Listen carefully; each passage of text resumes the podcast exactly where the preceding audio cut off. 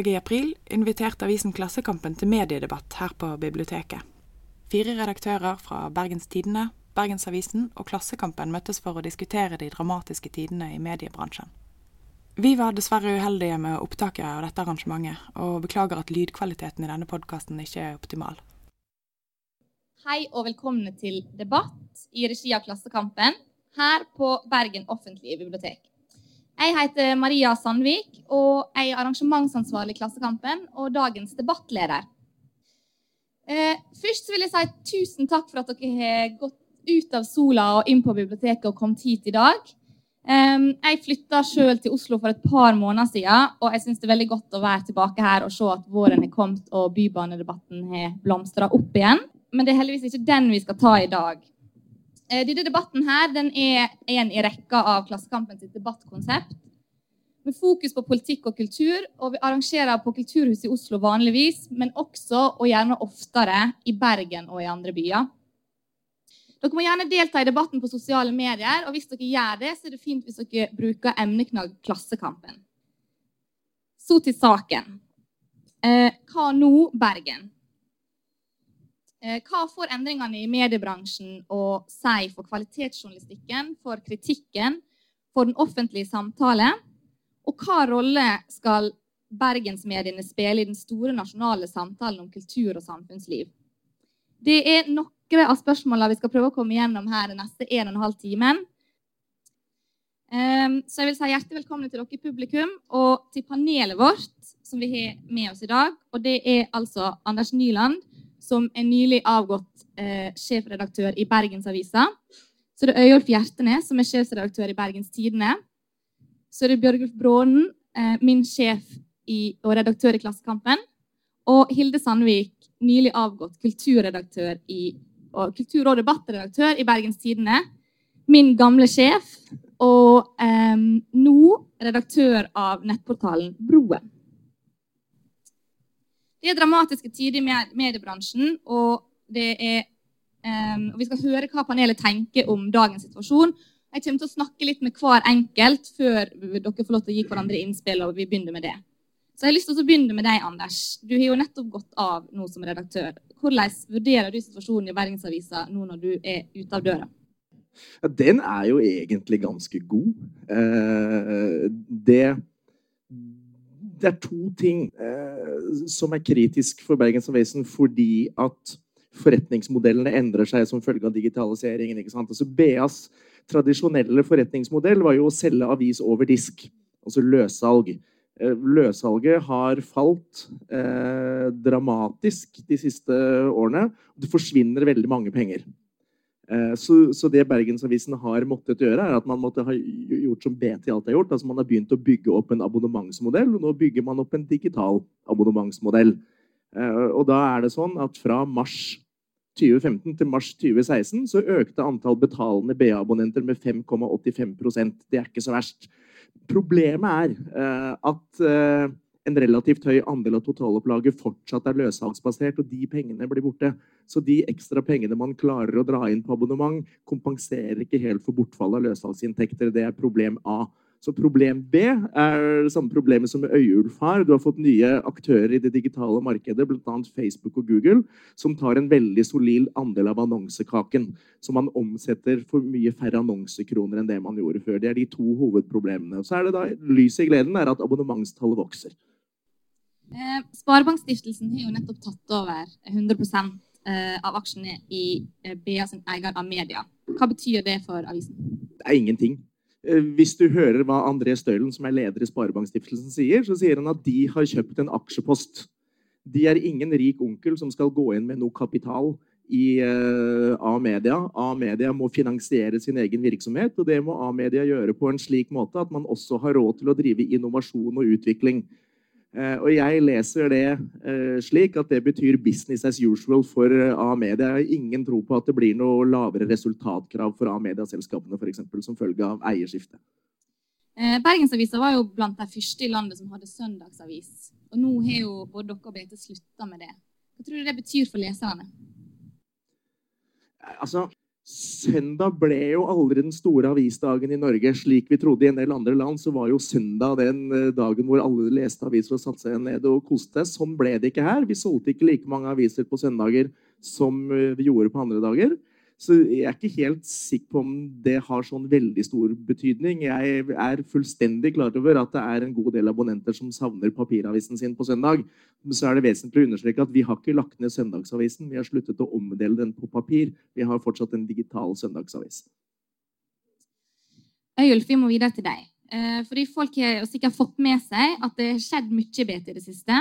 Eh, og at dere nylig måtte eh, kvitte dere med 30 ansatte, blant annet. Hvordan er stemninga i Krinkelkroken for tida? Den er på bedringens vei, vil jeg si. Altså, jeg vil si at uh, uh, I forhold til vår journalistikk og våre produkter, det vi skal gjøre framover, så er det en uh, ganske god stemning. vi har masse spennende foran oss, god skjøttelite på det vi skal gjøre. Og så Samtidig så er det et litt sånn stort alvor som ligger litt i bunnen her. da. Den endringen vi ser i bransjen vår, sant, som snur opp ned på alt sånn det har vært, eh, gjør at mange er usikre på hvordan ting skal bli framover. Jeg tror det er mange som har god tro på Bergens Tidende, men dette er nok litt sånn krefter utenfor Bergens Tidende òg som, eh, som eh, vil være avgjørende for hvordan dette går. Mm, går de kutta dere gjort nå utover kvaliteten på journalistikken? Altså det, det, er klart at når vi, når vi mister Det var 26, ikke 30. Når vi mister 26 flinke folk, så er det åpenbart at det vil gå utover kvaliteten. Og det vil gå utover bredden i journalistikken vår. Altså Noe annet vil, være, noe annet vil jo være veldig rart. Eh, samtidig er det som at det vi må gjøre i den situasjonen vi er da, er jo å eh, bruke de ressursene vi har, på en best mulig måte. Eh, jeg tror vi skal lage masse god kvalitet eh, i, i BT òg framover. Når vi ser på eh, de toppene vi har, så syns jeg de er kjempe, kjempegode. Og så er det spørsmål hvordan, hva vil skje med bredden? Sant? Hva vil skje med vår evne til å speile bredden i kulturlivet, i idrettslivet? Eh, er det politiske saker som vi glipper på? Det, jo, det blir jo liksom testen for oss. da. Og der, der, kommer vi jo allerede fra en verden hvor vi ikke er til stede på alle de arenaene som vi før var til stede. På bakgrunn av de gjerningene som har skjedd siden 2020 og fram til i dag. Hva, kan du si kort eh, noe om de viktigste strategiske grepene som dere gjør nå for å sikre dere for framtida? Ja, altså det aller viktigste som vi må gjøre, det er at vi må vi må lykkes innenfor abonnement. Altså Annonseinntektene i, i, i, de tradisjonelle mediene som BT det er en katastrofe, rett og slett. Det er så blodrødt at det nesten ikke er til å tro. Og så gjør vi det veldig godt på abonnement. Bergens Tiden har 1000 flere abonnenter i dag enn vi hadde for ett år siden. Mange tror at ingen vil betale for journalistikk, og alt det her, men det er helt feil. Det går veldig godt på abonnement. Men så er det så enorme endringer i annonsemarkedet som snur opp ned på alt. Det betyr at eh, abonnement, abonnement, har vært viktig for oss, men det blir enda viktigere framover. Og Derfor er det veldig viktig for oss å få lykkes digitalt, at vi klarer å lage gode digitale abonnementsprodukt som er der vi ser at vi kan ha en vekst. Det andre som er viktig for oss, er at eh, det å, bli, å, å dyrke Bergens, Bergens Tidende som noe unikt. Altså Bergens Tidende må stå fram. Vi må skille oss ut fra alle de andre eh, kanalene som finnes i vår tid. og Det betyr at vi må, vi må dyrke den journalistikken som er, er troverdig, og som har en relevans for våre lesere, og som er naturlig å høre hjemme under Bergenstidene. Det, Det, det, som ligger litt ute i grenseland, reisereportasjer fra Cinque Terre og Testa Nugatti, det må vi kanskje slippe. Og kanskje er ikke det så dumt heller. i grunnen. Skal BT være kun på nett i framtida, eller skal det også være på papir? En, til slutt kommer vi til å, til å utelukkende være en digital avis. Det tror jeg. Men det er jo, eh, vi har jo ingen planer om det nå. Da, og det er jo Litt fordi at uh, papiravisen er jo viktig. Vi når ut til mange lesere på papir.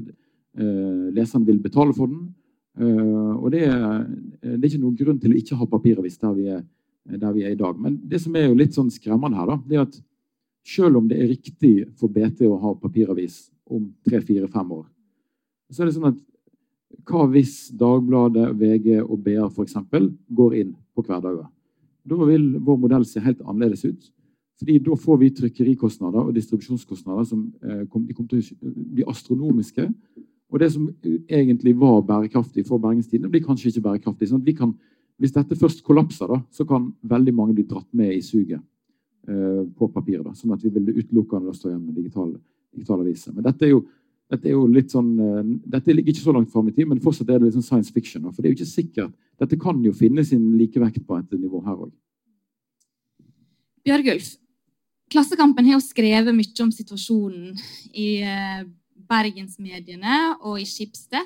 Og du har jo, vil kanskje noen si, vært veldig streng. Hva er det du er mest urolig for? Nei, det er masse ting man kan være urolig for i mediebildet. Men uh, hvis man skal ta liksom rammebetingelsene, så er det klart at uh, det som Øyulf snakker om, at hvis f.eks. Uh, Aftenposten eller Bergens Tidende tar ned, tar ned enkeltutgaver Så det har vært snakket om sant, at du bare kommer ut fredag og lørdag, og så tar du det med de andre daglige utgavene. Hvis det skjer, så, så, rammes jo også vår forretningsmodell midtskips. Fordi delvis er det med trykk, men, men, man skal vel klare å få trykt dette på et eller annet vis. Men budene vil ikke gå lenger, og vi har ikke lenger muskler til å lage et eget eh, buddistribusjonssystem, som vi en gang eh, drev med på 70-tallet. Så eh, da vil det, vil det ramme oss. Men Samtidig er det klart at altså For det første så har jo vi pressestøtte. Og det er en helt basal forutsetning for det, det vi kan gjøre. Det er liksom ikke noen grunn til å legge skjul på. Men samtidig så har noen av de tingene som har skjedd, har på en måte ikke styrket oss, men har vært, uh, har vært å leve med. Da. For det første så har vi i forhold til f.eks. For Bergens Tidende så har vi hatt mikroskopiske annonseinntekter. Vi har vært basert nesten fullstendig på Eh, at folk betaler abonnement. Og det gjør jo at det annonsefallet som de opplever, det uh, møter ikke vi på samme måte. Vi har f.eks. hatt økning i annonseinntektene de siste årene. Og så har vi ikke vært løsholdsavis, sånn som Anders har vært. Og løssalget er jo det som, eh, som, Det er jo det som egentlig på, på, på salgssida Det er der, der krisa har vært. Dagbladet og VG er skygger av seg selv. Og, og BA, som, som, hadde fantastisk høyt opplag i løssalg, eh, blir jo rammet veldig hardt av det. Så vi har hatt abonnement, og vi har hatt lite annonseinntekter. Og det har vært en veldig fordel. Og så er det jo så er jo vår hovedambisjon nå å prøve å opprettholde og styrke en kvalitetsavis med tyngde, dybde og bredde Eh, og vi ønsker å være en nasjonal aktør. Altså at vi er riksdekkende eh, over hele landet. Eh, det er avhengig av bransjesamarbeid, budsystemer og fly og veldig mye rart. Men det er, det er til nå mulig å, å, gjøre for oss, og vi, vi, vi føler at den rollen blir viktigere og viktigere. Og så er det også en økonomisk side ved dette her. fordi at vi er helt avhengig av å levere noe annet enn det de andre gjør. Vi er avhengig av å trekke inn artikler fra den store verden som ikke folk eh, har lest. Komme med, med både vinkler og stoff som ikke finnes i de andre avisene. Det er den eneste måten vi kan uh, forsvare at folk skal betale over 3000 kroner i måneden for, for, for det abonnementet. Og akkurat nå så går det veldig bra. Men uh, i denne bransjen så vet man aldri. Men vi kan jo bare på en måte rå over vår egen kreativitet da, og, og, forsøke hver eneste dag å gjøre det produktet så godt vi kan. Uh, og ja. Jeg har lyst til å liksom, uh, hoppe tilbake til Øyulf igjen faktisk, og så spørre om um, det her med, Vi snakka om med annonseinntekter og at journalistikken må finansiere seg sjøl sånn. Hvor mye skyld har Skibstedt i situasjonen som BT er i nå? Ja, det er jo et, et stort spørsmål, da. Um, altså Det at uh, mediebrukere begynner å lese avis på mobiltelefon, har ingenting med Schibsted å gjøre. Uh, det at uh, det dukker opp aktører som Facebook og Google som tilbyr annonseprodukt som kommer og ødelegger for oss, det har heller ingenting med Schibsted å gjøre. Sånn at Eh, det er roller ved Skipsted eh, som går an å diskutere eh, i, den sammenhengen der, men i bunn og grunn så handler dette om en helt sånn fundamental endring i mediene. Det er jo ikke bare Bergens Tidende som blir truffet av det her, det er alle norske medier. Og alle, alle med i alle andre land òg. Dette, gjelder jo, dette gjelder jo Tyskland, Sverige, USA. Dette gjelder jo alle. du ville kommentere. Ja, og det er jo selvfølgelig helt uh, riktig. Og så er det noe du ikke sier, for det kan ikke du si, for du er ansatt, men jeg kan si det, for det er ikke jeg. Eh, Skipsted har jo flytta sin pengemaskin ut av avisene. ikke sant? Finn.no ble jo funnet opp i, uh, avisen. Altså, strålende digital annonseplattform som vi alle kjenner, som tjener penger som gress, for å si det uh, folkelig. Det har Skipsted valgt å flytte ut av avisene, lage, bygge en egen forretningsmodell rundt, og det har blitt Skipsted sin melkeku. De, Skipsted kunne selvfølgelig valgt og latt den pengemaskinen være igjen i avisen som en del av avisenes forretningsmodell. Da hadde, hadde det sett litt annerledes ut. Ja, kan bare kommentere to ting på det? For det det er jo klart at, eh, det er, jo klart at det, er jo, det er en innvending som mange kommer med. Men så skal en jo ikke glemme det at eh, bare det inntektsfallet alene i BT er jo, eh, er jo, det er veldig veldig masse større enn det som, gjelder, det, som er knyttet opp mot Finland. Sant? Sånn at uh, I så fall så ville jo det, det ville ikke sett veldig annerledes ut. Det ville sett kanskje litt annerledes ut. Uh, det, er jo det, det, er jo det ene poenget. Det andre poenget er jo at uh, Skipsted har et sånt rykte på seg for å være en veldig sånn utålmodig og aggressiv eier. Sant? Men det vil jeg gå litt sånn i rette med. Da. Fordi det er, jo, eh, det er jo de mediekonsernene i Norge som har vært veldig aggressive på margin de siste årene. Det er jo Amedia og Egebront og Aller. Det er jo ikke Schibsted. Altså, ta f.eks. i fjor i BT. Jo, eh, vi har, var vel en par prosent vi hadde i margin i BT sant? Eh, i første kvartal i år. Sant? Det er jo børssensitive tall, men jeg skal love at det er ikke, så, det er ikke spesielt lystig.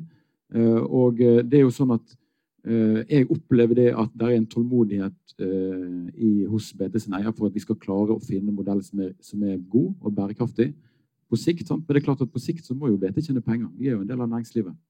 Akkurat sånn som BA. Men dette har jo Klassekampen skrevet mye om, Bjørgulf.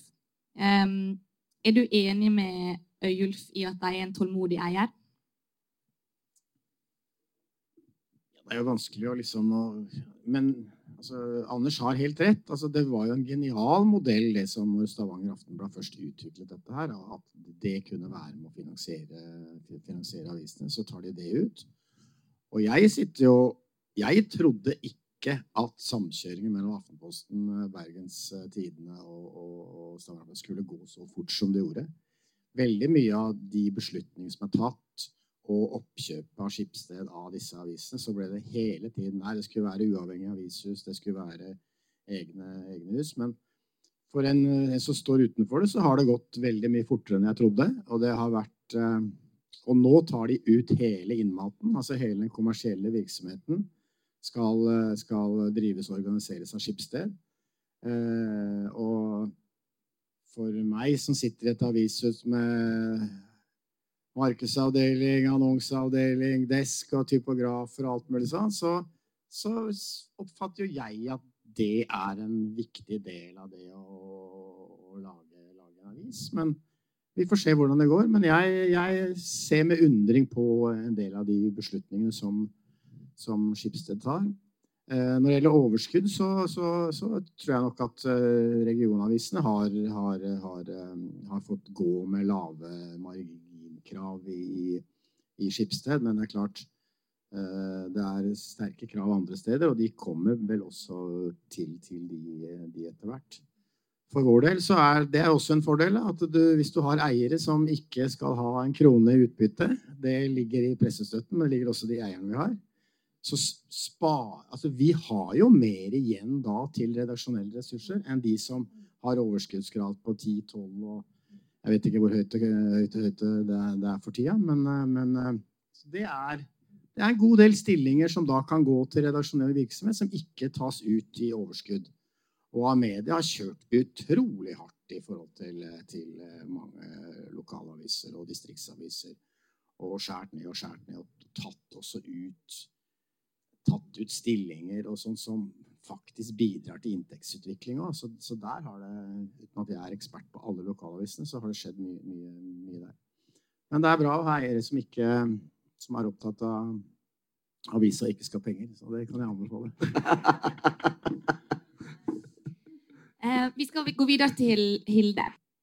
I din siste kommentar som kulturredaktør i Bergens Tidende, som du kalte 'Europas natt og tåke', så er du mellom annet innom hvor viktig det er med kulturjournalistikk. Og jeg har lyst til å lese en liten passasje der du skriver at i fotefara til populistiske parti som vokser fram over hele Europa, også i norske Frp, følger forakt for den kunsten og kulturen en ikke umiddelbart skjønner. Høyrepopulisme i sin reneste form er bakhovedet til Janus. Han ser verken framover i tid eller bakover i fortida, men er både blind og døv. Populismen finner også gjenklang i mediehusene og i akademia, som bygger ned den historiske kunnskapen og svekker kulturovervåkinga. På ruinene vokser IS og Odins soldater. Det er sterke ord. Ja. Hvorfor valgte du disse som de siste du skrev som redaktør? Jeg er vestlending med trang for å forkynne. Eh, jeg valgte det fordi det var noe som ligger meg tungt og har ligget meg tungt på hjertet lenge. Eh, nemlig en opplevelse av at det Europa vi kjenner, som er i endring av mange grunner, enten om du snakker om eh, de finansielle institusjonene, om du snakker om utviklingen i altså, kjølvannet av Panama Papers, eller om du snakker om den enorme folkevandringen som vi, som vi står i, så er det store strukturer som er i endring. Og da er min opplevelse av at en har over tid svekka de institusjonene som har målbåret den europeiske ideen. ideen. Og jeg siterer også Umberto Eco Eh, i denne kommentaren, som har sagt at det som har bygd Europa, ikke er politikerne. Det er ikke de kampene som har slått våre på slagmarkene, men det er eh, Dante, det er Shakespeare, det er Rossellini, det er ideene som, som ligger der. Og Nå ser en at over hele Europa så har bibliotekene som dette blitt svekka, universitetene er svekka, mediene er svekka, og de stedene og de institusjonene som har holdt oppe folkeopplysningstanken. Og I parentes bemerka, i folkeopplysningen så handler det faktisk om en genuin tro på at alle kan løftes. Den er vi i ferd med å gi opp. Eh, og et, det er et makronivå. Og på et mikronivå så ser en det helt konkret i mediehus, eh, som i dag, som Øyulf helt rett sier. Eh, vi er nødt til å har vært nødt Nå sier jeg med, men nå er jeg ute av det. Men altså, jeg identifiserer meg jo allikevel. Men en, en, en, har vært nødt til å ta noen veldig veldig tydelige valg. Eh, og så er spørsmålet tar en, de rette, tar en da de rette valgene. Og for Bergen kan også Bergen er spørsmålet som stilles her i dag. For Bergen så er det faktisk ganske dramatisk at TV 2 er nå i en ny runde. BA kommer til å være i nye runder. BT har ikke hatt sin siste runde. Det er jeg helt, dessverre helt overbevist om. Det som skjer med svekka medier, som òg da blir mindre relevante, og som ikke klarer nettopp å løfte de store spørsmålene, de vanskelige spørsmålene, de, de, de spørsmålene som ikke umiddelbart er det som en ønsker å diskutere.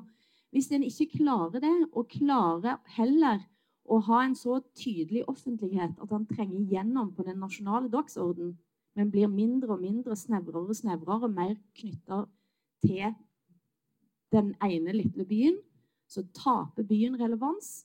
Og da taper, mener jeg, landet relevans. Er kulturdekningen i BT svekka? Ja, den er blitt svekka over tid. Det er det ingen tvil om at den er. Eh, det er stadig færre journalister som jobber på kultur.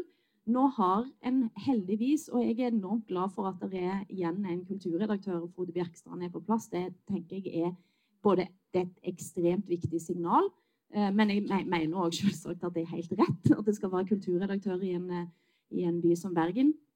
Eh, men, og, og en ser òg at altså nå, det, nå, er det faktisk en satsing på gang på kulturfeltet med færre folk, men det er en veldig bra og kompetent gjeng som skal jobbe med kultur.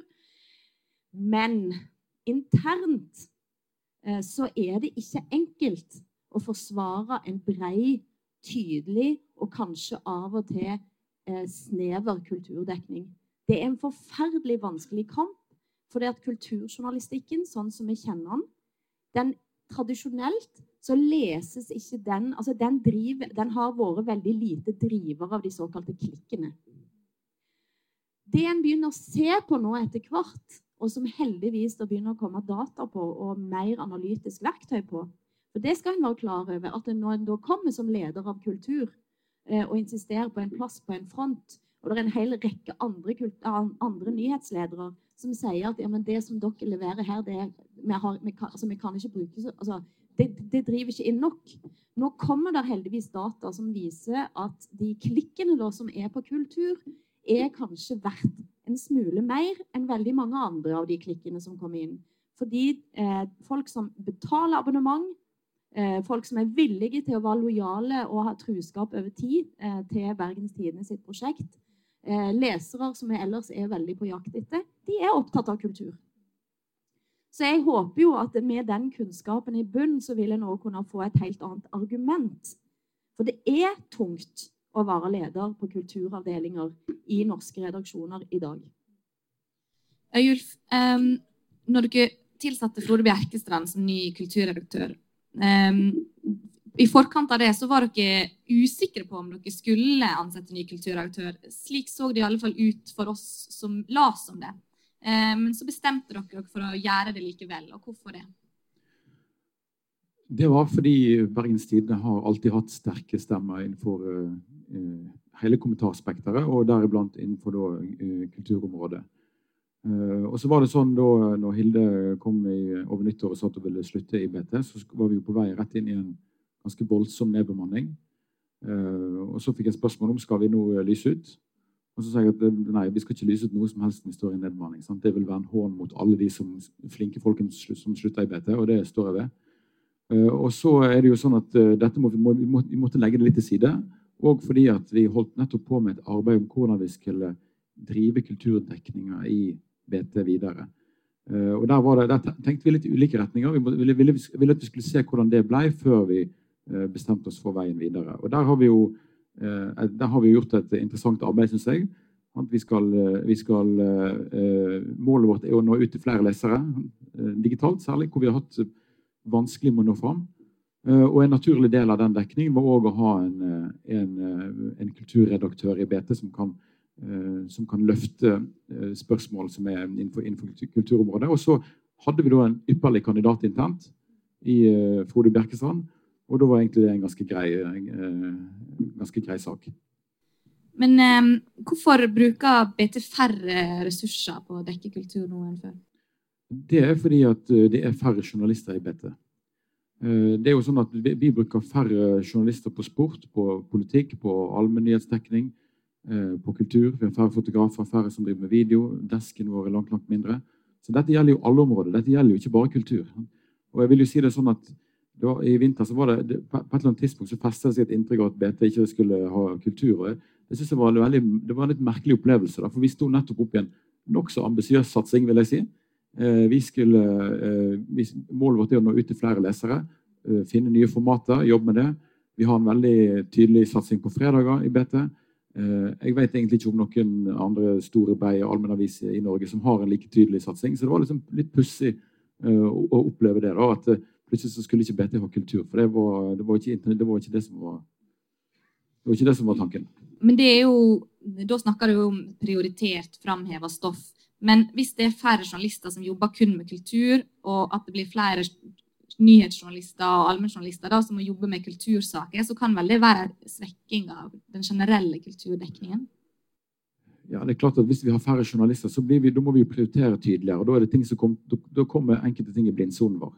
Det, og det er jo en ting er jo det i forhold til oppdraget vårt om å drive debatt og informasjonsformidling, men det handler jo òg om at vi ikke klarer å speile bredden i det som skjer i denne byen. her. Da. Og det er jeg liksom opptatt av. Da. For Hvis det er sånn at vi ikke BT gir oppmerksomhet til deler av kulturlivet, og for den del òg idrettslivet, som før kanskje fikk det, så kan det jo være at det tilbudet til slutt dør ut. Sant? Og da blir Bergen en fattigere, en fattigere by. Når det gjelder journalist, de journalistene som jobber hos oss, så jeg vil jo ikke kalle de for allmennjournalister. Jeg vil si at de er noen av de mest rutinerte kulturjournalistene som er i Bergen. Eh, en blanding av eh, folk med lang erfaring og blanding av litt yngre folk. Så akkurat det er jeg ikke så veldig bekymra for. Eh, Bjørgulf, Klassekampen tar jo mål av seg å være en eh, nasjonal avis. Eh, men er en god nok på å dekke kulturlivet og politikken i Norges nest største by? Nei, det er vi helt sikkert ikke. Men på en annen side, det som er en utfordring for en avis som er riksdekkende, det er jo Vi kan jo ikke overta lokalavisen og regionavisenes rolle. Altså dekke løpende arrangementer, prosesser, være på korpsstevner eller hva man nå, nå syns, syns, syns, man skal dekke. Så det blir jo eh, Det er umulig for oss. Så vi må, vi må på en eller annen måte eh, dekke kultur, ideologi og politikk ut fra noe som, noe som er viktige debatter og viktige spørsmål for hele, hele, landet. Men det jeg tror vi kan gjøre mye bedre og bør gjøre bedre, det er å bruke mennesker eh, som f.eks. bor i Bergen, jobber på Nasjonale Scene eller på Kode. Altså å ha ha, for kulturdekningen, altså ha de som kilder i sakene, og for så vidt også eksempler, og, og gjøre det til nasjonale saker. Men uh, vi kan ikke løpe rundt på Torgallmenningen og dekke arrangementer. Det... Nei, Fellesforbundet er jo nylig gått inn på eiersida i Klassekampen og sagt uh, Og du har jo sagt at, eller at det er vår snakk internt om å opprette et vestlandskontor og legge mer industridekning hit, f.eks. Blir, det noe av? Ja, vi er i Bergen denne helgen her og snakker med både fagbevegelsen og kulturfolk og på universitetet for å liksom områ oss litt. Vi, vi har et eh, distriktskontor i Trondheim, og eh, vi snuser på. Jeg lover ingenting, men vi tenker rundt det. Bergen og for så vidt også Tromsø. Dette er litt spørsmål hva vi har eh, økonomiske ressurser til. men jeg tror igjen det å gi oss mer forankring rundt omkring i større deler av Norge er veldig, veldig viktig. Og jeg er, jeg er kanskje ikke først og fremst bekymra for Vestlandet, men jeg er bekymra for Nord-Norge kanskje enda mer. Det er et eller annet som skjer nå, føler jeg. At vi holder ikke sammen medialt på samme måten som vi gjorde. Jeg opplever at det skjer en slags sånn regionalisering av Norge. Det har jo vært veldig mye debatt om Vestlandet, og, og ikke minst i Bergens Tidende. Jeg syns en stund de kjørte den eh, vestlandsstat-linja litt eh, vel hardt. Men, men, eh, men, det er klart altså, Krisa nå, arbeidsløsheten, oljenedgangen Den mener jeg ikke gjenspeiles tilstrekkelig godt i de fleste Oslo-medier. Eh, og den er ganske betydningsfull på Vestlandet, spesielt på Sør-Vestlandet. Og, og, det er klart at hvis vi hadde hatt et uh, Bergen- eller vestlandskontor, da, så, så, så, ville du ha kommet nærmere inn på kroppen på de problemstillingene og, og, og lettere kunnet reagere. Sånn at Jeg har jobba i Dagens Næringsliv på, tidligere, og da Dagens Næringsliv bygde seg opp, så var opprettelsen av korrespondenter og distriktskontor en helt sentral del av deres etablering som, som riksdekkende avis. Og det kan du se, selv om de nå har tatt en del ned, så mener jeg kanskje den avisa er minus alt det andre. Den avisa er et slags forbilde når det gjelder å være en riksdekkende avis med, med, med evne til å, til, å, til, å, til å, få med seg ting som skjer, skjer, skjer i hele landet. Ja. Altså, må bare si en ting om, om Klassekampen. Det som jeg synes, eh, det er jo, Klassekampen er jo en liten redaksjon. sant? Eh, men det er jo òg eh, en avis som viser litt om hvor langt du kan komme med en veldig tydelig prioritering. da. Altså for eksempel, Noen av de viktigste sakene i Norge de siste par årene. sant? Politireformen. Ikke, ikke nærpolitiet. Politireformen.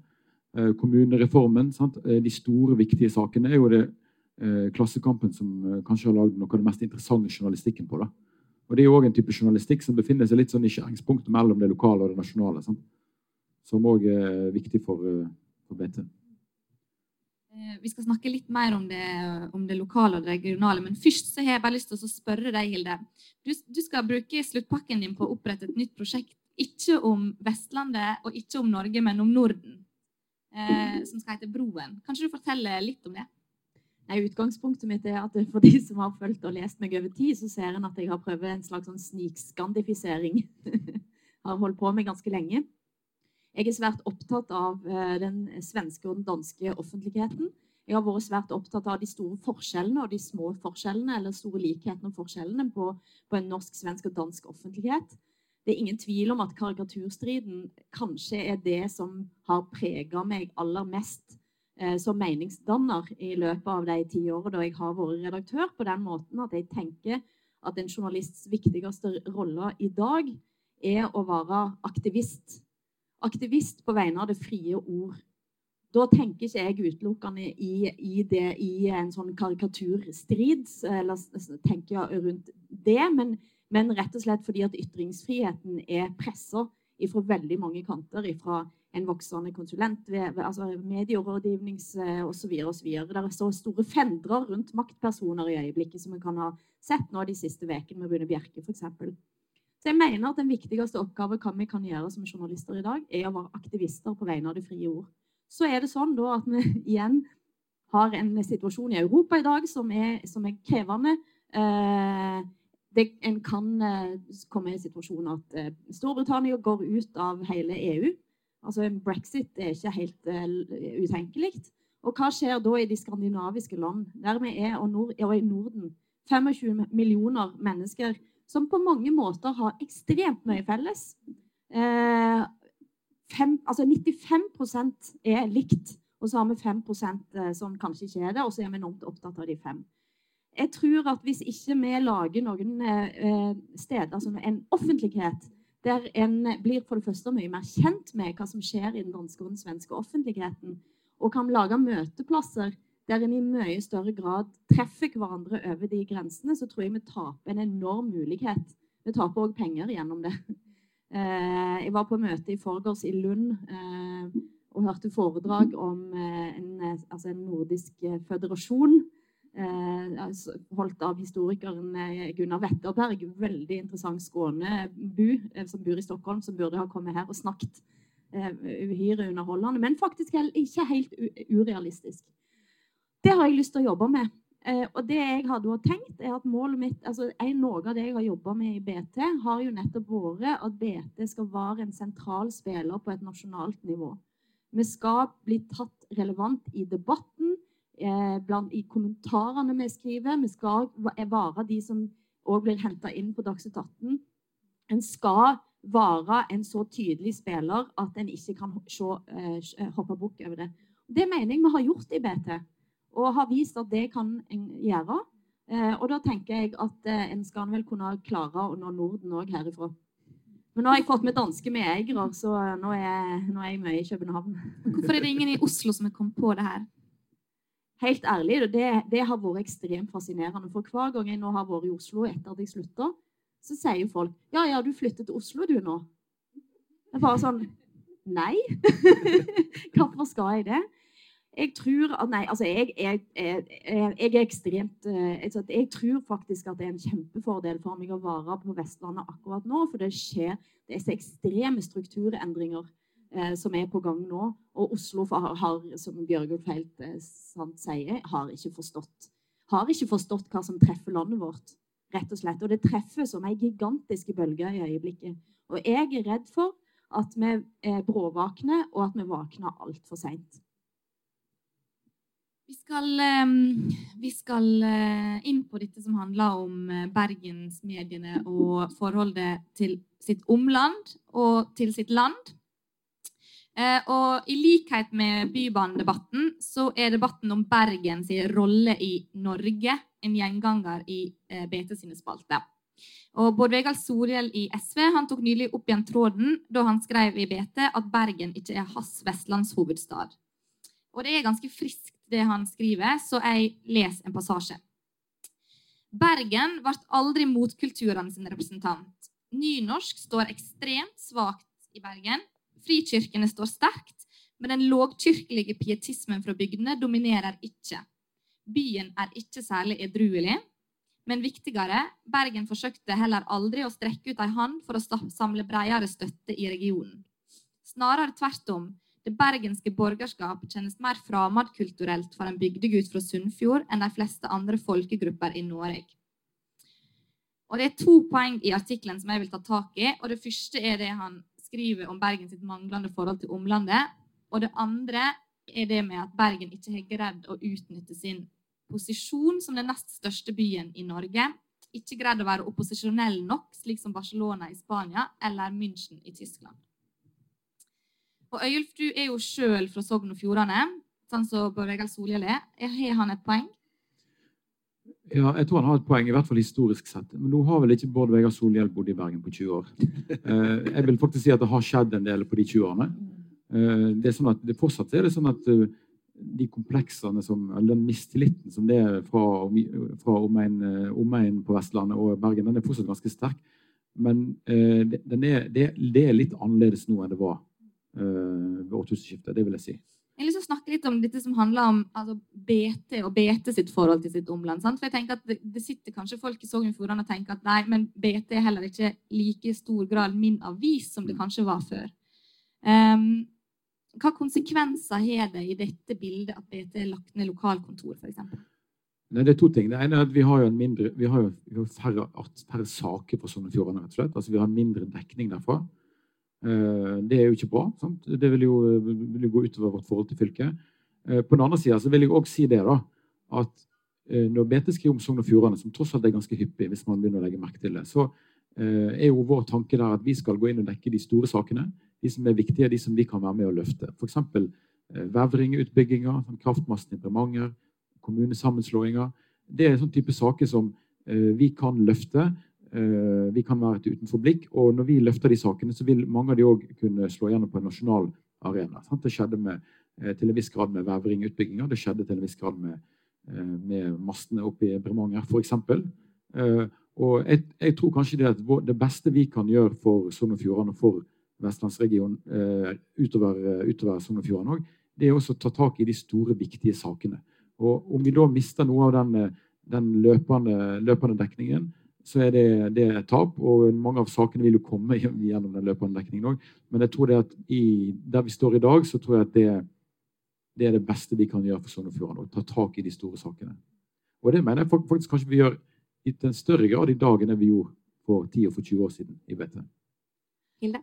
Nei, altså jeg tror Bård Vegar Solhjell har helt rett. Eh, og kanskje nettopp fordi at han ikke har bodd i, 20, eh, i Bergen på 20 år, og har det perspektivet på Bergen, det han, det han sier, det reflekterer synet på 90% av de jeg kjenner til i Oslo, i hovedstaden. Og da har Bergen et problem. Så kan vi si så mye vi vil at han, har, at han tar feil, og Bergen er superrelevant og kjempeviktig. Men det hjelper ingenting hvis oppfatningen er at Bergen ikke er relevant og ikke er viktig. Og min redsel, hvis jeg skal kaste inn en liten brannfakkel i dette, for at vi ikke får det, sant? det er jo min, min eh, skal si, altså jeg har, jo, eh, jeg har jobba i Schibsted-systemet forferdelig lenge og, og mener òg at det har blitt tatt mange gode grep. Eh, men når jeg leser nå eh, Espen Sundve, som er i Schibsted-systemet nå, og som er den altså bl.a. snakker om, om visjonene som, nå, Dere har kanskje fått med dere at Skipsted drømmer nå om å ta opp kampen med Facebook og Google. I min verden så må jeg bare innrømme det, at jeg klarer ikke å la være Jeg skal ikke se helt hvilke bilder jeg får i hodet av en sånn uh, uttalelse, men jeg klarer ikke å la være å se for meg Schibsted-sjefer som syns det er kanonkult å opp og slåss litt med Mark Zuckerberg eller noe sånt, uh, og, og, bli stor. Uh, og jeg forstår rasjonalet.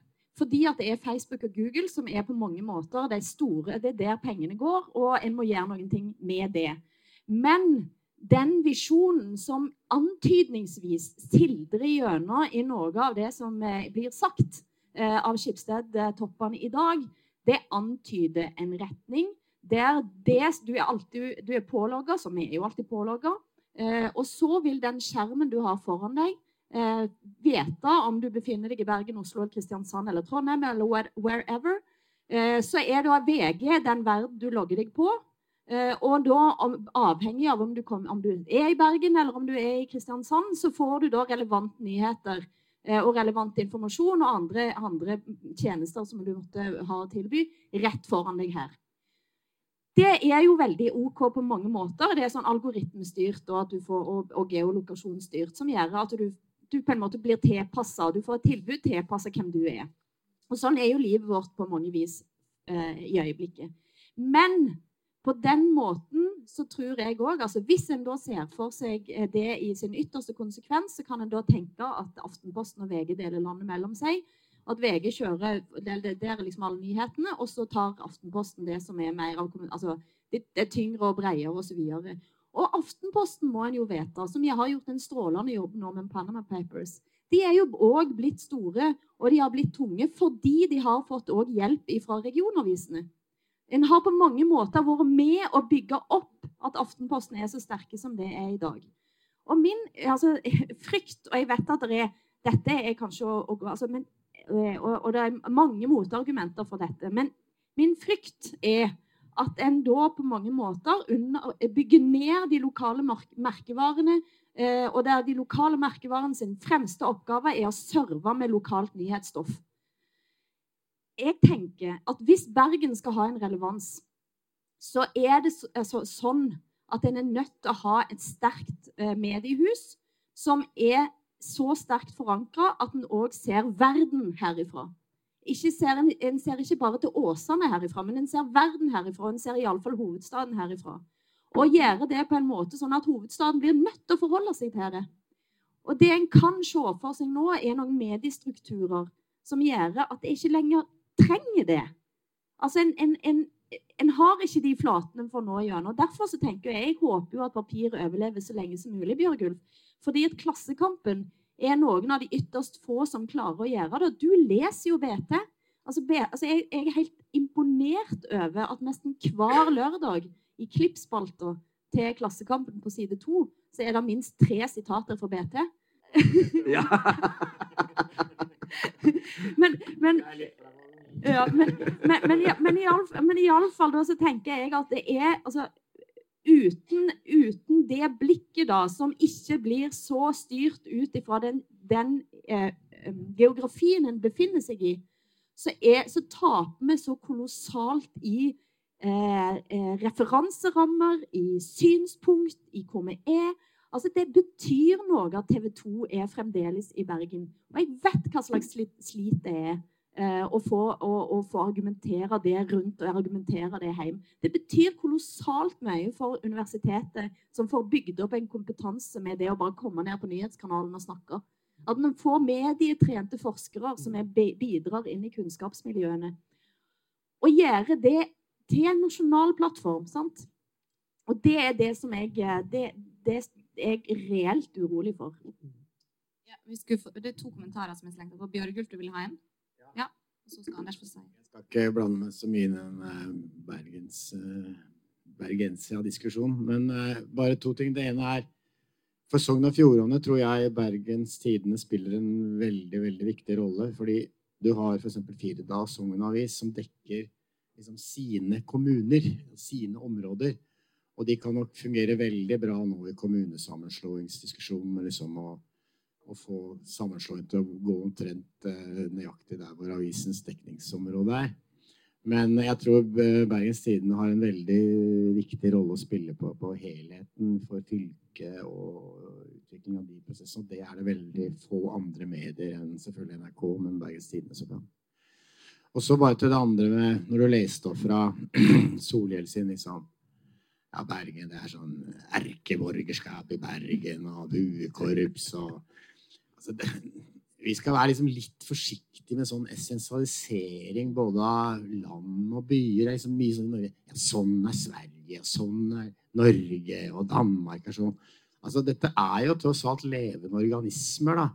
Med strid og kamp og endringer. og Bergen er jo en by med et uh, sterkt og spesielt borgerskap, men det er jo en by med svære, arbeiderklassetradisjoner, og arbeiderbevegelsen har stått veldig veldig sterkt her. og Sånn at uh, byer er så mye rart. så Vi, liksom, vi må ikke gjøre liksom, alt bare til én ting. Da. Og jeg syns Solhjell var litt på den galeien, altså. Og, og gjøre det litt for enkelt for seg selv. Anders? Ja, jeg har lyst til å si, Hilde, at jeg deler den bekymringen din.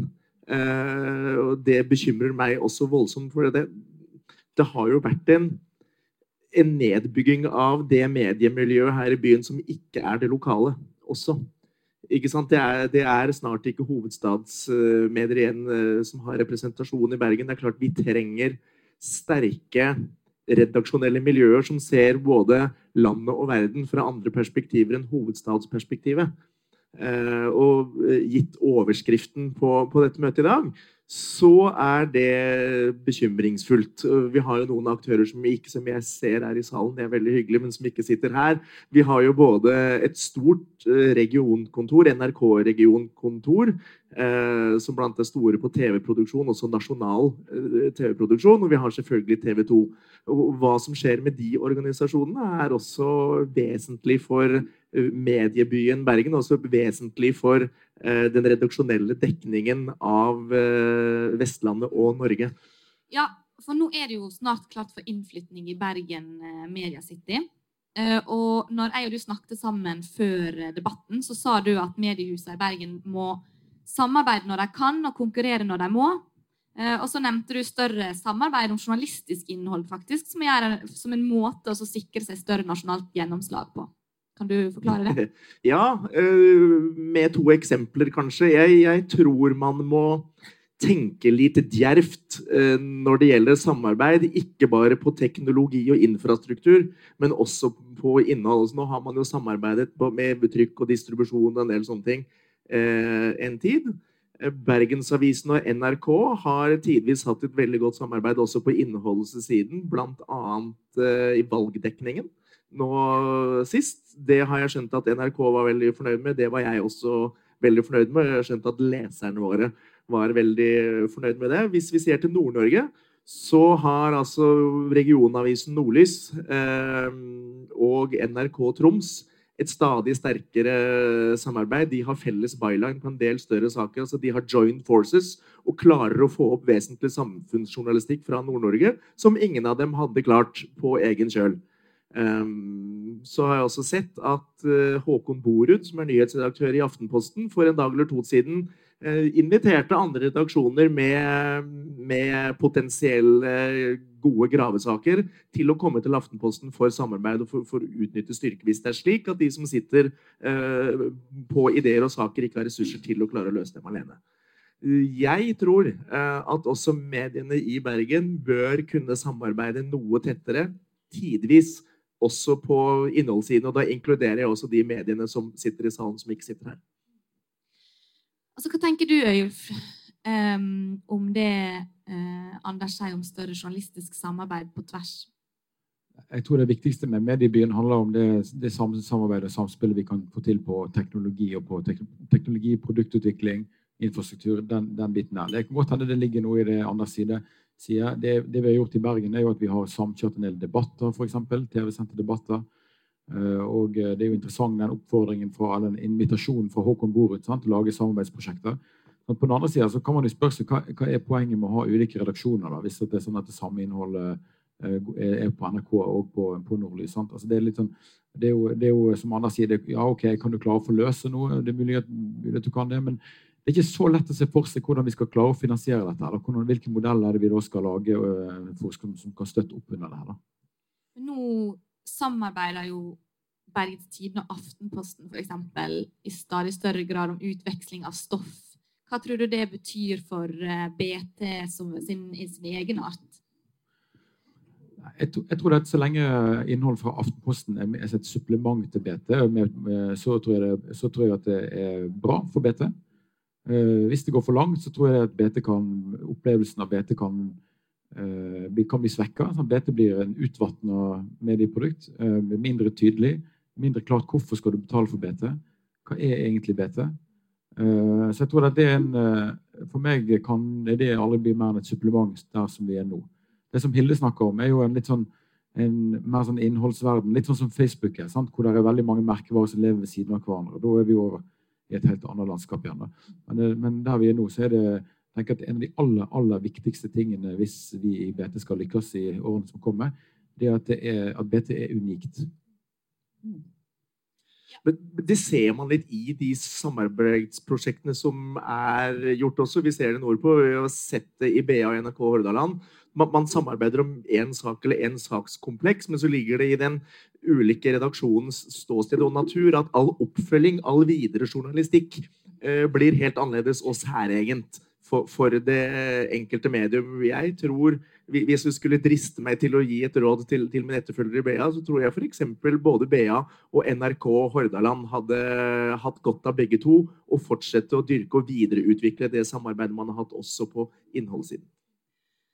Jeg tror ikke på samarbeid på innholdssiden på den måten. Eh, jeg tror tvert imot, nettopp som Øyulf sier, at det er altså den asseten som vi har, er det, det, er det unike.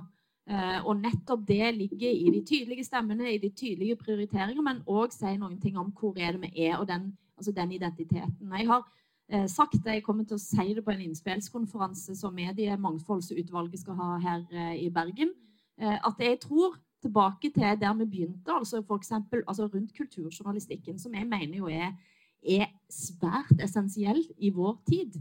Fordi det er på mange måter kulturen at identiteten vår blir, blir danna men som en nå ser er vanskelig å få forløst i den eh, altså det, det medielandskapet vi er i dag. Og jeg har foreslått for Knut Olav Åmås, som er, er utvalgsleder i Mediemangfoldsutvalget, at jeg mener det burde være nå en, eh, en, eh, en, en gaveforsterkningsordning knytta til kritikk. Eh, på den måten at hvis da Øyulf som sjefredaktør i Aftenposten Nei, ja, nettopp. Det var den slags slippende. Eh, kanskje det er der du ender ut. Det pleier jo å være sånn i Skipsted at en begynner sånn, så ja. Men, eh, men i BT legger én million kroner på bordet og sier vi vil bruke én million på kritikk, eller en halv million på kritikk. og, for, og insentivet er at en da får plusser på en halv million. Eh, fordi jeg tror at det kommer til å være en ekstremt avgjørende eh, for, eh, for, for utviklingen av kulturdebattene, men òg altså kritikken, og ikke minst for institusjonene. Den dagen vi ikke kan holde oss med solid kritikk, så er det et ganske stort faresignal. Og BT tok jo nettopp da det grepet som jeg snakker om òg, som jeg, jeg var ekstremt stolt over å få være med på da nemlig laga en solid kritikkpakke i fredags, eh, fredagsavisene våre. Men jeg tror at en, altså en, gaveforsterkningsordning på kritikk både er med på å styrke det mediemangfoldet, men òg er med på å sikre en brei kulturpolitisk offentlighet som vi trenger. Hva tror du, Bjørgulf, eh, som redaktør for en avis som driver med ganske mye kritikk? Er det noe som du ville eh, kasta deg på? Altså, vi står jo litt utenfor en del av de debattene der, fordi jeg føler at vi får pressestøtte, ganske mye pressestøtte, som jeg syns er eh, Det er sjenerøst av staten, og jeg syns det er viktig at eh, det opprettholdes det mediemangfoldet gjennom det. Men det gjør jo at jeg også er litt forsiktig med å forsøke å melke alle mulige støtteordninger, fritt ord, og jeg ser jo at det kommer en god del. Men jeg forsøker å være tilbakeholden på det, fordi jeg syns at vi er finansiert primært gjennom pressestøtten, og da er det ikke riktig at vi skal liksom gå alle mulige andre steder. Jeg syns også at jeg er litt nervøs når jeg hører på Knut Olav Åmås noen ganger, fordi at at uh, det kan se ut som dette skal erstatte pressestøtten. Og det uh, tror jeg ikke er uh, noe særlig god investering. Fordi pressestøttemodellen har jo den fordelen at den, den, tar ikke stilling til hva som er bra journalistikk. Den tar ikke stilling til kritikk eller økonomi eller politikk. Eller, den sier bare denne institusjonen får penger hvis den opprettholder den, den, den, den tilfredsstiller de og de kriteriene. Og det viktigste er, er, er, er, at du ikke tar utbytte, at eieren ikke tar utbytte. Så, så, jeg er veldig opptatt av det, og jeg, jeg deltar egentlig ikke så veldig mye i sånn Nei, men jeg har skrevet om gaveforsterkning for øvrig, da, for der er det sånn at hvis én institusjon klarer å få masse private penger, så kommer staten inn og dobler og legger liksom de også. Og det må jeg si, det er jo et ganske merkelig prinsipp, da. At, eh, at uh, altså, Det er nesten litt sånn korrupsjonslignende. At uh, hvis en reder stikker til noen én million, så skal staten komme løpende med én million til. Så nei. Um, Jeg har lyst Øyulf, å komme litt tilbake til dette med Bergen som nummer to-by, og høre litt hva du tenker om det. Jeg snakka med en eh, kompis som har arbeidet ganske lenge som rådgiver eller spinndoktor for et sånn over middels stort norsk parti. Og Han sier at BT er jo utrolig mye større enn Dagsavisen og Klassekampen. Men det er veldig mange i det politiske miljøet i Oslo som tror at de to siste er viktigst. Eh, samtidig så vinner jo BT den ene nasjonale prisen etter den andre for journalistikken sin. Altså, hvorfor er det likevel slik, tror du? Det, det, tror jeg kanskje først og fremst må spørre de som tror at Dagsavisen er den eh, viktigste avisa. Det sier vel litt om mentaliteten òg i deler av eh, Provinsialismen i Oslo, tenker jeg. Ja, det, ja, det sier jo litt om det, selvfølgelig. Sant? Men det er, jo, eh, det er jo klart at Bergens Tidende blir jo først og fremst lest i Bergen og på Vestlandet. Det, jo, det ligger jo i sakens natur. Men samtidig er det jo sånn at Eh, BT har jo òg alltid hatt ambisjoner om å være noe mer enn en lokal og en regional avis. Og en avis som ser ut, som har sterke stemmer, og som deltar i en nasjonal debatt og med på å sette agenda. Eh, og en ting er den, den, journalistikken du viser til, det er jo veldig masse av den undersøkende journalistikken. Sant? Det er klart Den kan vi nå fram med, men her eh, snakker vi kanskje vel så masse, masse om kommentatorene, stemmene, egentlig. Eh, hvis man skal nå inn på, inn på de arenaene. Det er jo klart at I dag så er det jo lettere, lettere å nå fram med sterke stemmer. Det var tidligere fordi at gjennom en digital spredning så kan, har vi en voldsom rekkevidde. Uh, og så møter vi oss ikke litt sjøl igjen i døra. da, fordi at vi må, vi, vi, Hvis vi skal klare å finansiere journalistikken vår, så må vi, må vi dyrke abonnement. Sant? Og da blir det en begrensning da, i, i, vår evne til å nå fram. Bjørgul? Det er bare til det som Hilde snakker om, at, eh, for det er helt riktig at kultursakene har en eh, altså, Rene kultursaker har en eh, sånn det ser for meg, lavere klikk eh, altså, De leses mindre gjennom sosiale medier enn en god del andre saker. Og det er jo kommentarartiklene som er som ser ut til å vinne i, i, i, i Facebook, Twitter-verden. Altså utrolig skarpe kommentarer. fordi hvis du da har en veldig veldig sterk mening, spesielt på innvandringsfeltet, så halve Facebook da liker meninga, og halve Facebook liker det ikke og deler det pga. det. ikke sant? Men eh, jeg tror vernet for kulturjournalistikken altså det, Den kan ikke vernes i en, i en uh, klikkverden hvor du legger ut artikler gratis. Da vil den nesten lovmessig, tror jeg, forsvinne ut i periferien. Så det er, og det sies jo nå fra, fra, fra BT og nesten fra alle aviser internasjonalt, at det blir abonnement og betaling for produktet som blir viktigere og viktigere. Altså, avisene kommer til å ligne mye mer på andre kulturbransjer, som jo nettopp er finansiert gjennom at folk betaler for produktet, og så leser de det eller opplever det. Eh, mens avisene jo har hatt en eh, fantastisk modell i tillegg, fordi de har hatt annonseinntektene. Men de vil sannsynligvis spre seg på veldig mange kanaler, og, og, avisene vil ha kommet til å ligne på andre, som vi måtte ta betaling for, for at folk eh, Og hvis du tar betaling for et, et produkt som fremdeles inneholder en helhet, så vil du kunne verne de ulike sjangerne innenfor avisproduktet. Men hvis du ender opp med en modell hvor hver en og en artikkel skal på en måte bære hele medie, medieøkonomien, så vil kultur falle ut. Og et produkt som Klassekampen vil, som, som, jeg kan forstå, ha veldig veldig store problemer med i det hele tatt å, å overleve.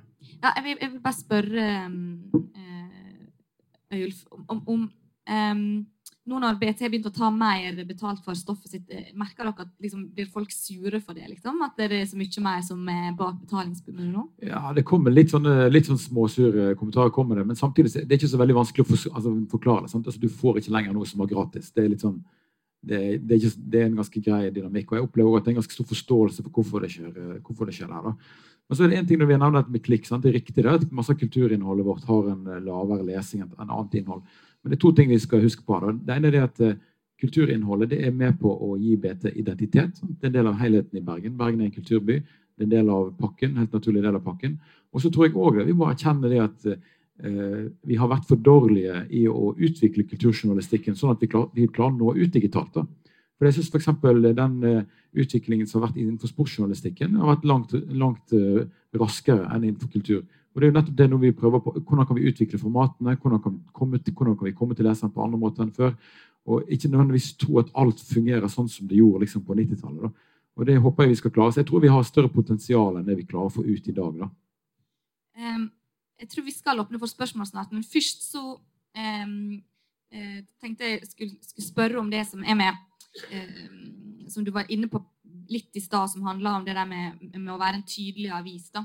Fordi altså, En av de tingene som jeg tenker har gitt BT gjennomslag, er jo på en måte det at, at det er en eh, avis med tydelige stemmer, og at det er en avis som man veit hva står og at BT sin formålsparagraf, som sier at eh, BT er en frittstående, liberal, borgerlig og ikke-sosialistisk avis, på en måte har gjort at folk Smør på flesk?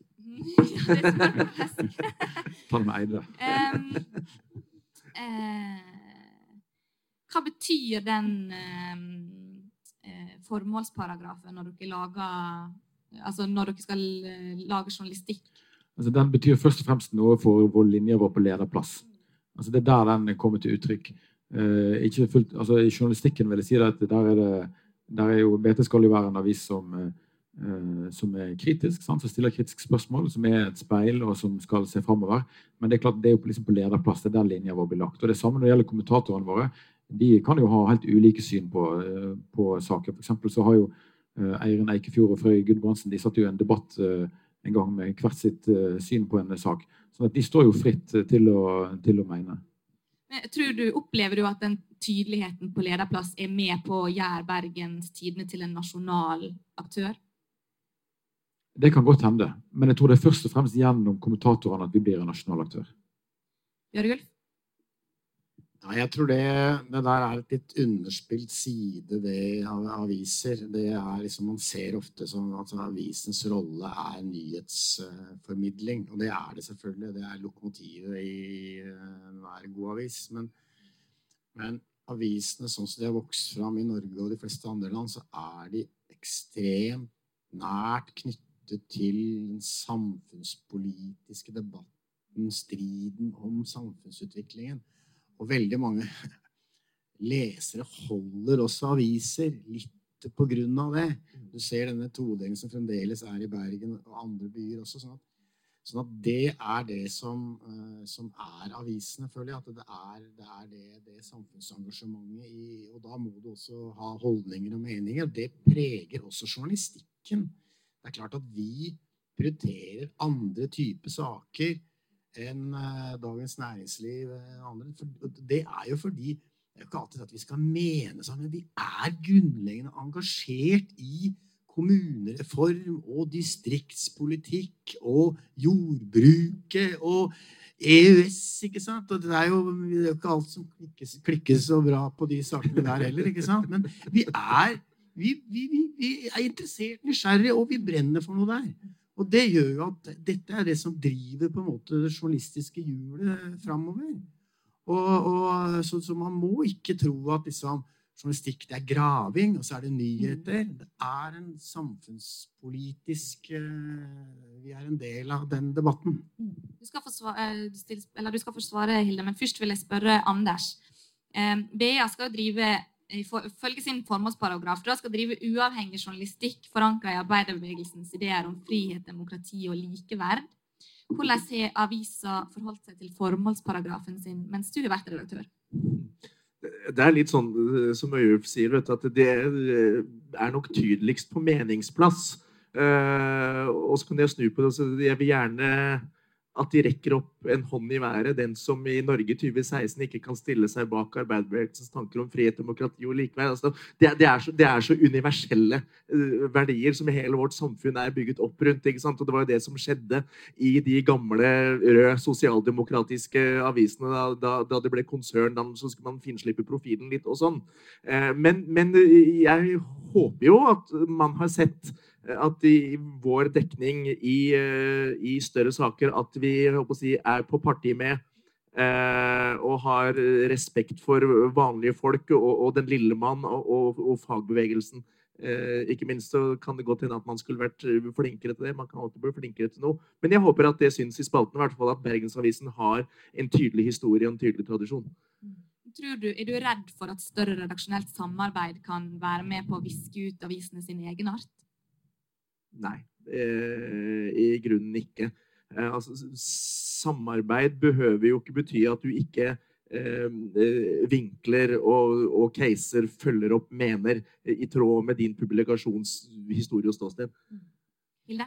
Jeg mener at, den, at BA har blitt mer, mindre sosialdemokratisk og mer næringsvennlig under deg. og synes at det, er, det, vil være enormt interessant å se hva Sigvald Sveinbjørnson gjør, gjør, gjør, med det. Eh, men jeg, det jeg hadde lyst til å si noen ting om, er at jeg tror Er han nye redaktøren enig i den formålsparagrafen? Eh, jeg tror at eh, det, Ja. Det, han, han, har beveget seg, han har kommet til, til, til Bergens Tidende og beveget seg i retning sosialdemokratiet.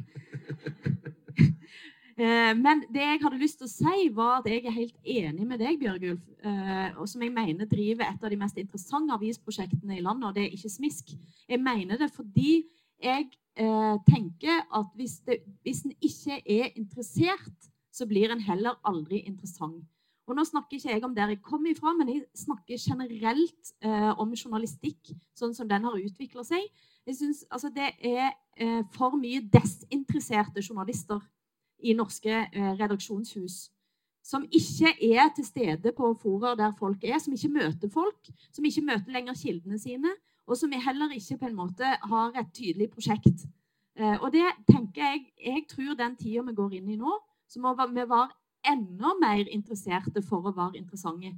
Fordi at jeg, altså jeg møter så mye gjennom sosiale medier og andre plasser hele veien at hvis ikke, no, hvis ikke journalistikken, hvis ikke artikkelen kan vise seg interessant for meg, så gidder jeg ikke å være med den, for å si det sånn. Eh, det er nesten som et menneske. Og så er det noen gode, gode signaler på at det faktisk funker. Eh, Dagens Nyheter i Sverige, som for noen få år siden var ganske dødsdømt, eh, er nå i ferd med å snu til et ganske så fint overskudd.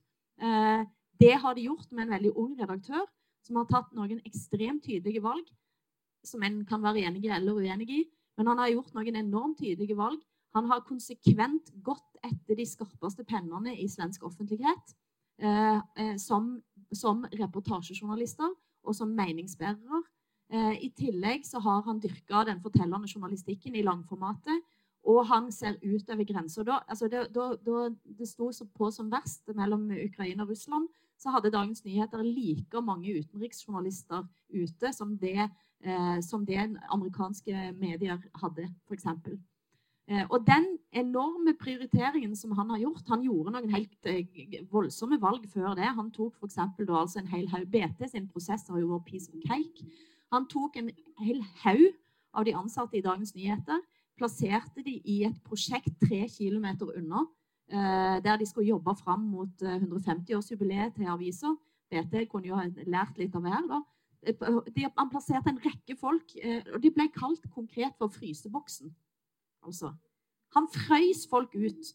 Og så begynte han å ansette. og så kan han si ok, var det det veien å gå? Men han gjorde noen enormt konkrete, eh, konkrete grep som har gjort at dagens nyheter i dag framstår som en langt mer interessant, kan være uenig, men en langt mer interessant mediehus enn det var for bare fem år siden. Altså det du kan si, det måten vi tenker, altså For det første, da, jeg tror det har gått litt for langt. Jeg tror det er at BT i dag at vi er litt for utydelige. At det er litt for, vi har rett og slett litt for mange ting. Altså Hvor er BT på BT? Hvis du må stille det spørsmålet, da har, vi, da har det gått for langt. Og, jeg, og Noen dager så føler jeg at vi er der. da. Eh, det er det ene. Men det andre er at når det gjelder når vi snakker om podkast og vi snakker om live, eh, livestream og ballspark og alle de tingene vi holder på med, så er det jo sånn at eh, for å bli abonnent i BT, så må du først bli en bruker av BT. da. Sånn det er jo, som, det, som, vi ser på det, er at det er jo en måte å komme i kontakt med, med lesere og med brukere, og at det er med på å gi et større rekrutteringsgrunnlag. da. Vi tar for eksempel, Eh, ballspark hos oss. Sant? Det er jo et fotball, eh, fotballprogram. Det jo, har jo vært gratis. Eh, og så her på en treningskamp i vinter når Brann spilte mot Åsane, Vestlandshallen 0-0. Ganske kjedelig. Ett kamera ute i Vestlandshallen, 150 nye abonnenter til BT på den kampen alene. Så, det, så jeg tror dette handler liksom litt om å bygge vaner og få, få, folk til å bruke BT. da. en, og så er det da, kan vi jobbe da kanskje flytte de litt høyere opp i trakta og få et bedre tilbud. Eh, hvis du, hvis du måtte bli medlem i BT òg, da. Uh, og så det, kan du si de formatene, Vi har jo vært i en, en voldsom sånn eksperimenteringsfase de siste par årene. Uh, det er jo der er det litt sånn at noen, noen Ulike formater fungerer til ulike ting. Altså vi, når, det skjer, når det blåser opp til storm på Vestlandet, sant, så er livestrømmingen helt, helt, sånn, helt formidabel. Sant? Det er kjempebra. Det er sånn cupspesial på sportsområdet, f.eks. Det å gå og ha en livesending der, helt topp. Uh, nå innenfor kulturområdet sant, så vi prøver, prøver, vi å utvikle oss litt i retning av hva, mot, hva skjer i Bergen i helga. Utvikle formatet. Vi hadde et anmelderintervju som vi har prøvd å undersøke. Kan dette være, noe, kan dette være interessant? Og Det handler jo hele tida om, om, å prøve å eh, formidle journalistikken på en måte som, eh, som når ut. da. Og ikke tenke det at alt er 3200 tegn pluss bilde, sånn som det var når jeg begynte i eh, avis. Eh, da sier min eh, klokke at det er på tide å runde av her. Eh, jeg vil takke Hilde, Øyulf og Anders, og også Bjørgulv, for at dere kom hit og tok denne debatten i dag. Dere skal få med en liten oppmerksomhet på veien. Det er altså Klassekampens kaffekopp med Karl Marx-sitater på. Tusen takk. Redaktører drikker jo masse kaffe, tenkte jeg, så det eh, passet godt. Og så har jeg lyst til å takke Bergen offentlige bibliotek og Charlotte Myrbråten for godt samarbeid, og for at dere tok imot oss her. Tusen takk til alle dere som kom hit i dag. Det var veldig veldig gøy eh, å være her sammen med dere, og ha en fortsatt strålende lørdag.